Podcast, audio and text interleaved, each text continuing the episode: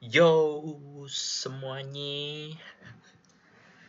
So Kembali lagi di podcast gue Di mana gue membahas banyak hal yang berkesan buat gue Dan Ya hal-hal yang menarik buat gue bahas gitu Akan gue bahas sekarang di acara podcast ini. Well so Jujur nih ya gue gak tahu mau ngomong apa because like I think everything kayak semua nggak semua tapi majority of all of the things that bother me I already confessed it in this pod chatting. Tapi ya pasti ada hal baru yang gue alami but most of them gue sudah confess it di gue sudah ngomong di podcast gue dan I try to talk to make this podcast is a daily thing so that I can practice do it. Gue bisa latihan gue bisa get do this dan ini bisa menjadi personal diary gue untuk masa depan gue and a lot of stuff yang gue senang juga untuk melakukan ini.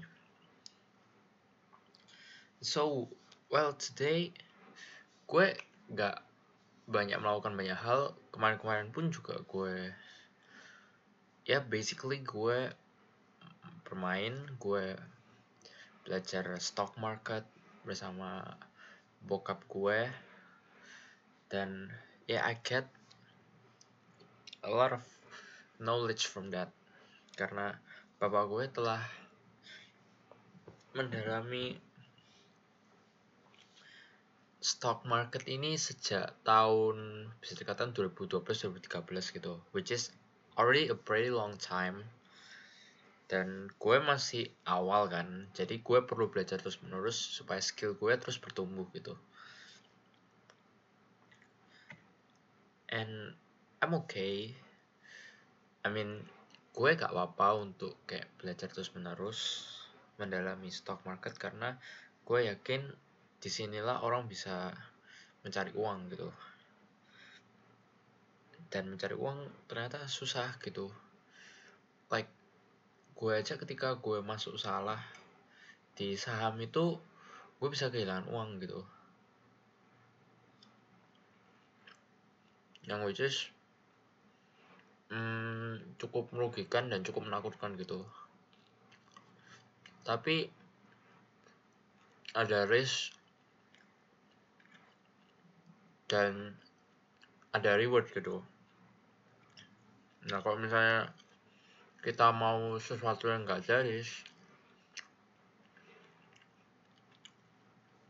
ya kita cuma dapat ya segitu segitu aja dan nggak besar besar banget gitu dan kita nggak akan dapat kebebasan finansial yang gue tambahin gitu. Makanya gue mau belajar investing ini because like it's a must thing to do gitu. Dan untuk membaca buku tentu saja itu merupakan hal yang wajib. Karena knowledge is power man. Dan knowledge ketika ditambah dengan pengalaman itu menjadi sesuatu yang luar biasa yang bisa dikatakan itu membantu dalam banyak hal gitu. Contohnya adalah ketika gue deket sama teman cewek gue and kita deket banget gitu dan I mean gue melakukan banyak kesalahan gitu dan gue juga semakin belajar gitu tentang bagaimana membaca personality seorang perempuan dan semacamnya. Dan itu merupakan sebuah pengalaman yang bagus gitu.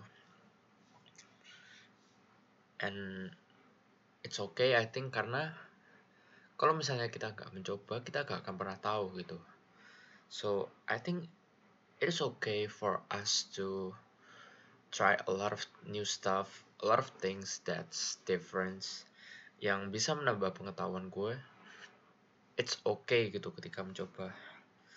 I mean a lot of people that I know kayak artis-artis gitu mereka kayak punya pacar dan semacamnya. Dan punya pacar itu mereka lumayan banyak gitu. Ada yang enam kayak ada yang hanya Latin itu katanya umur 13 tahun sampai sampai umur dia sekarang nggak pernah jomblo gitu dan semacamnya well it's kind of like doesn't make sense. Bukan gak doesn't make sense tapi nggak cocok nggak cocok aja sama gue. Karena gue aja kayak baru nyoba sekali malas coba lagi gitu.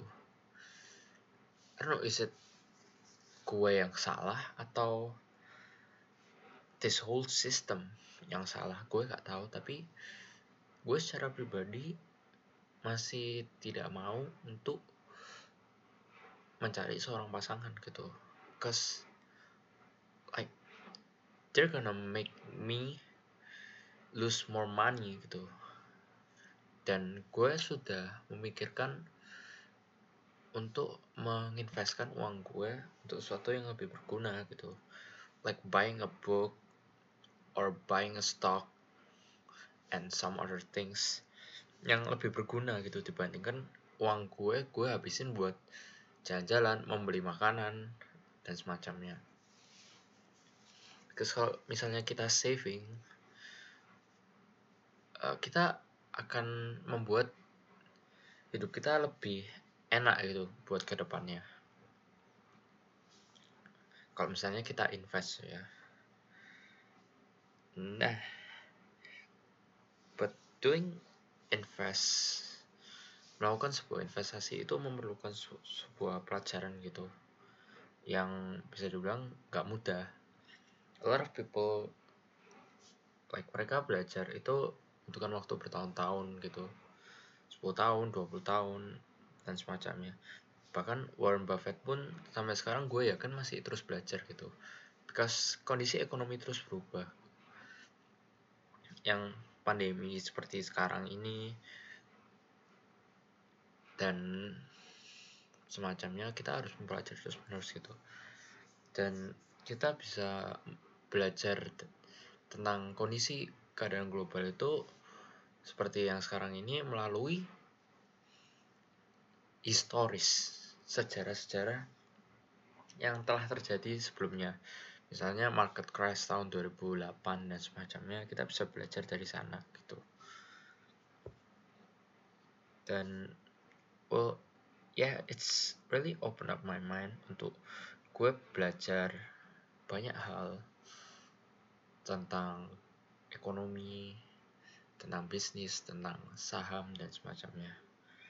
Dan gue mau belajar banyak beberapa buku. Yang pertama itu buku Anak Muda Miliarder, bukunya Bro Andika Putro.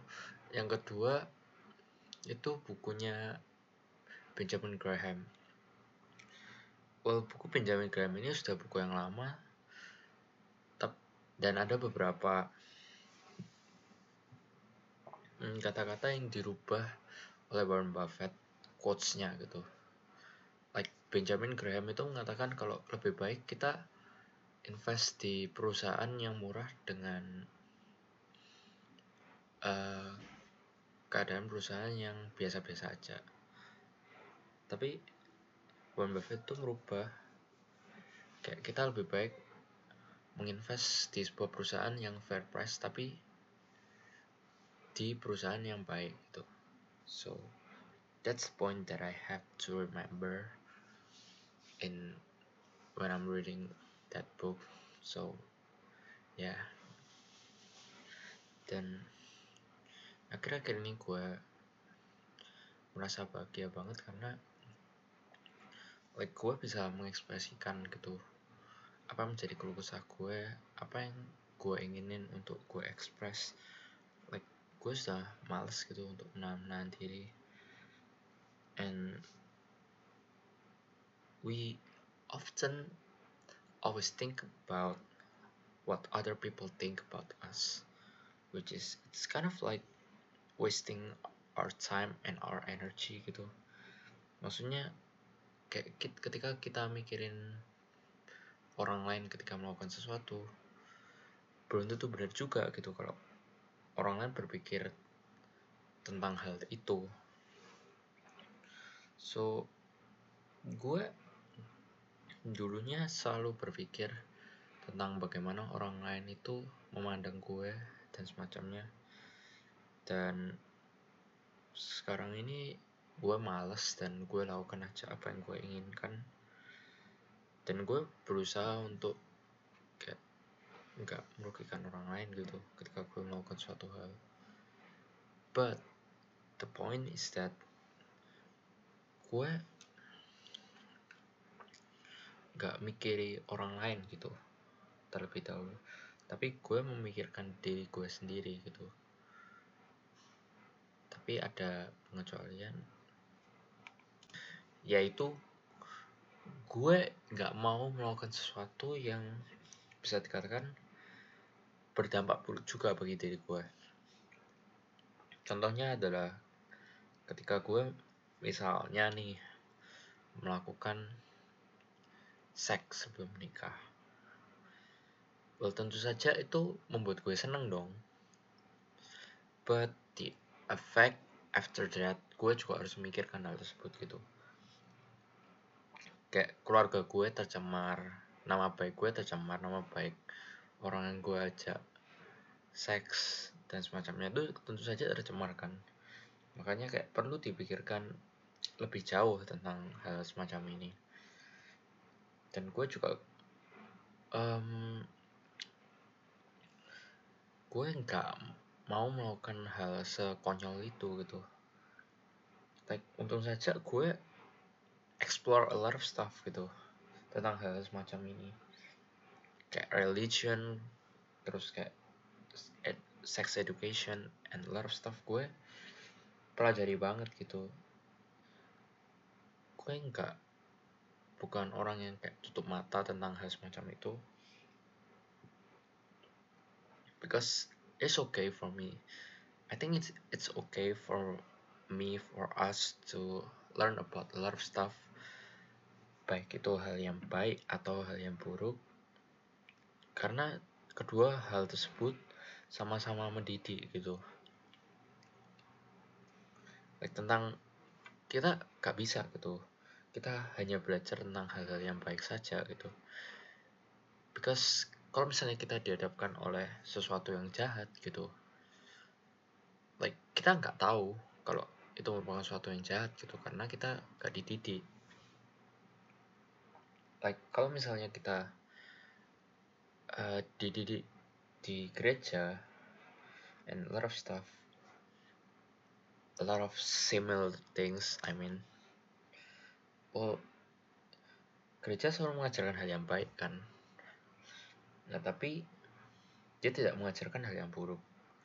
Which is of course benar gitu.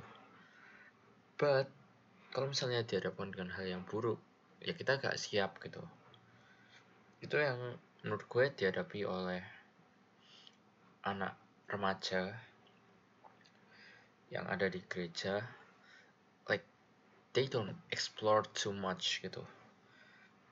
Tapi juga bahaya juga ketika kita explore a lot of stuff dan kita terperangkap di area yang jahat tersebut.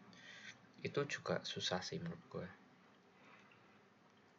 Makanya kayak gue sebenarnya bersyukur kalau misalnya gue ada di lingkungan gereja which is not good not bad but not good juga. Karena itu menutup diri gue buat belajar tentang banyak hal. And yeah it's better I think than just go have drugs go have party and a lot of stuff well yeah it's it's better man dan I think setiap manusia perlu untuk adanya kebebasan gitu when misalnya di agama diajari buat kita taat kepada ajaran hukum Taurat, hukum Alkitab dan semacamnya kita disuruh taat. But kalau misalnya itu kita merasa ada yang janggal gitu, gue merasa ada hal yang kurang tepat gitu. At some point gue pernah merasakan hal tersebut.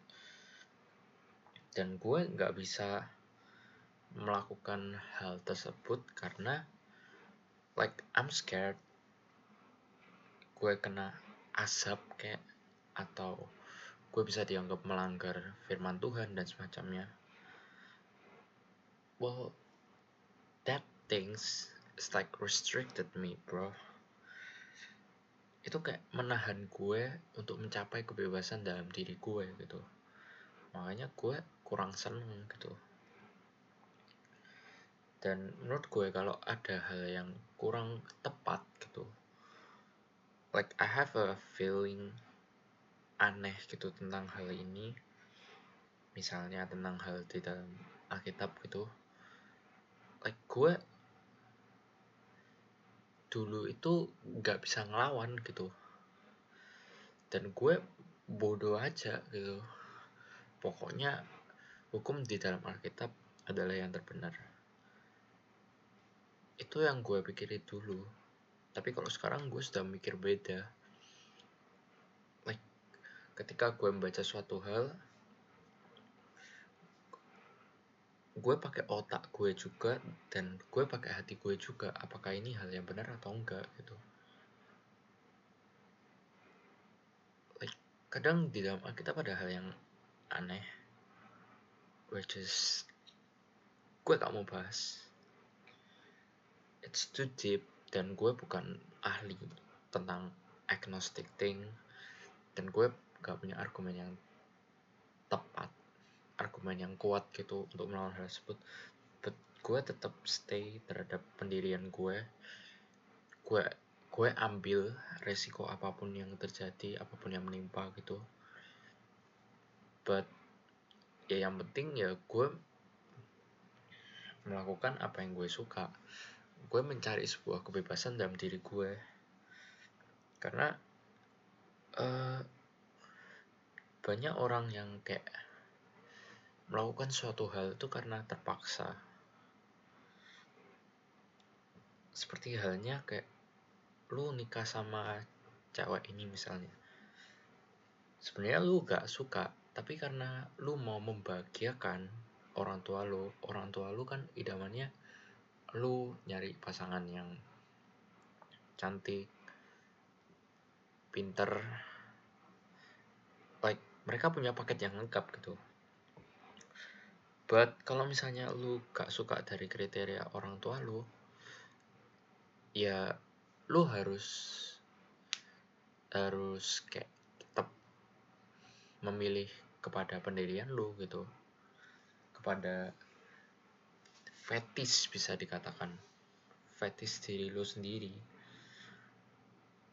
Karena ya it's your life gitu bukan hidup orang tua lo meskipun orang tua lo membesarkan lo tapi hidup yang jalani tetap hidup lo gitu. Makanya gue mau melakukan apa yang gue suka dan kadang kalau misalnya gue gak bisa diomongi seperti ini tentu saja ada resiko yang gue harus tanggung gitu. Like semacam kalau misalnya gue salah gitu ya siap-siap ada hal buruk yang menimpa gue gitu contohnya misalnya gue nikah sama A gitu. Nah orang tua gue sudah ngomong sudah gak setuju gitu. Dan orang tua gue sudah punya feeling kalau A ini bukan orang baik. Tapi gue gak percaya. Nah ternyata setelah gue jalani A ini ternyata bukan orang yang baik. Dan ya gimana lagi gitu. Yang ada cuma penyesalan dan ya gue harus ambil resikonya karena gue sudah ngelawan gitu. Like gue tetap ber, berpegang pada pendirian gue. Dan ya sebenarnya ada 50-50 bukan 50-50 tapi ada kemungkinan buat gue salah atau orang lain salah gitu. Makanya perlu ada dukungan fakta-fakta yang ada gitu. Contohnya kayak argumen apa yang mendukung si A ini baik atau argumen apa yang mendukung si A ini adalah orang yang jahat gitu. Perlu ada argumen yang jelas gitu. Nggak bisa kayak kita berlandaskan pada gosip-gosip dari orang lain gitu. Like I don't believe the shit. Gue gak mau percaya kepada gosip-gosip yang beredar gitu. Makanya ketika gue mendengar gosip-gosip itu like gue berusaha nyoba untuk kayak berpikir logis juga gitu. Dan gue berusaha untuk mencari fakta yang ada. Kalau misalnya berdasarkan gosip doang ya semua orang bisa membuat gosip gitu. Dan bisa tiap orang beda-beda gitu. Tergantung dari sisi mana kita dengarnya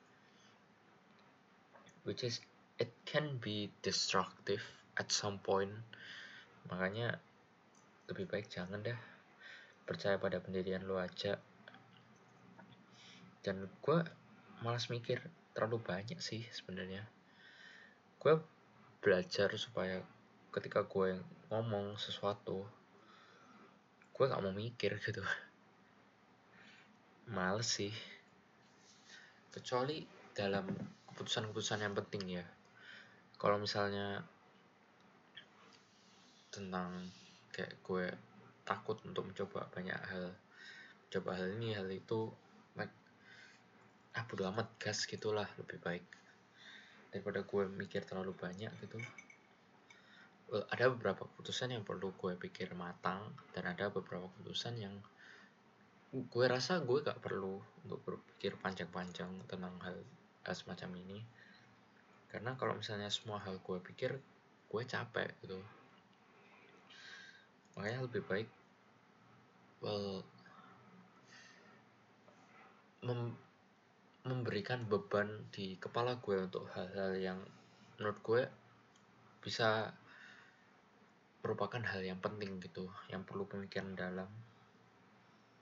Itu perlu waktu supaya kita memikirkannya dan untuk hal, yang kita gak, gak penting-penting banget lah ya kita gak usah mikir panjang-panjang gitu. Like just fucking do it gitu. Dan it's important for me to achieve my freedom. Freedom of speech kebebasan dalam diri gue dan kebebasan untuk menunjukkan siapa jadi diri gue dan semacamnya. Well I think it's really important for us. Karena itu bisa ngebus kepercayaan diri gue dan semacamnya. Well gue gak ngurus sebenarnya tentang orang-orang yang suka gue misalnya mungkin kalau misalnya gue gak mikir dulu sebelum bertindak, sebelum bertindak itu gue bakal melakukan kesalahan dan orang lain bakal gak suka sama gue ya gak peduli. Yang penting gue senang aja gitu untuk melakukan hal ini. Like fuck orang lain gitu loh. Gue lebih pentingin diri gue daripada diri orang lain karena hidup-hidup gue gitu. And but some of the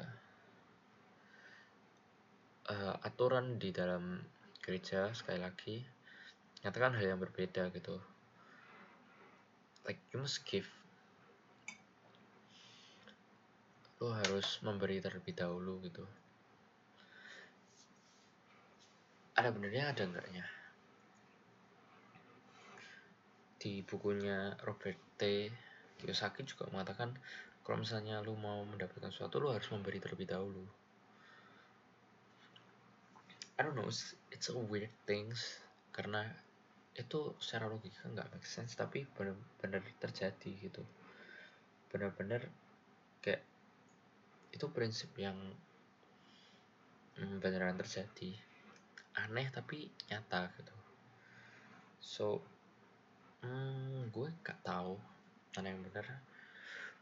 Pokoknya ya gue lakukan hal yang gue suka.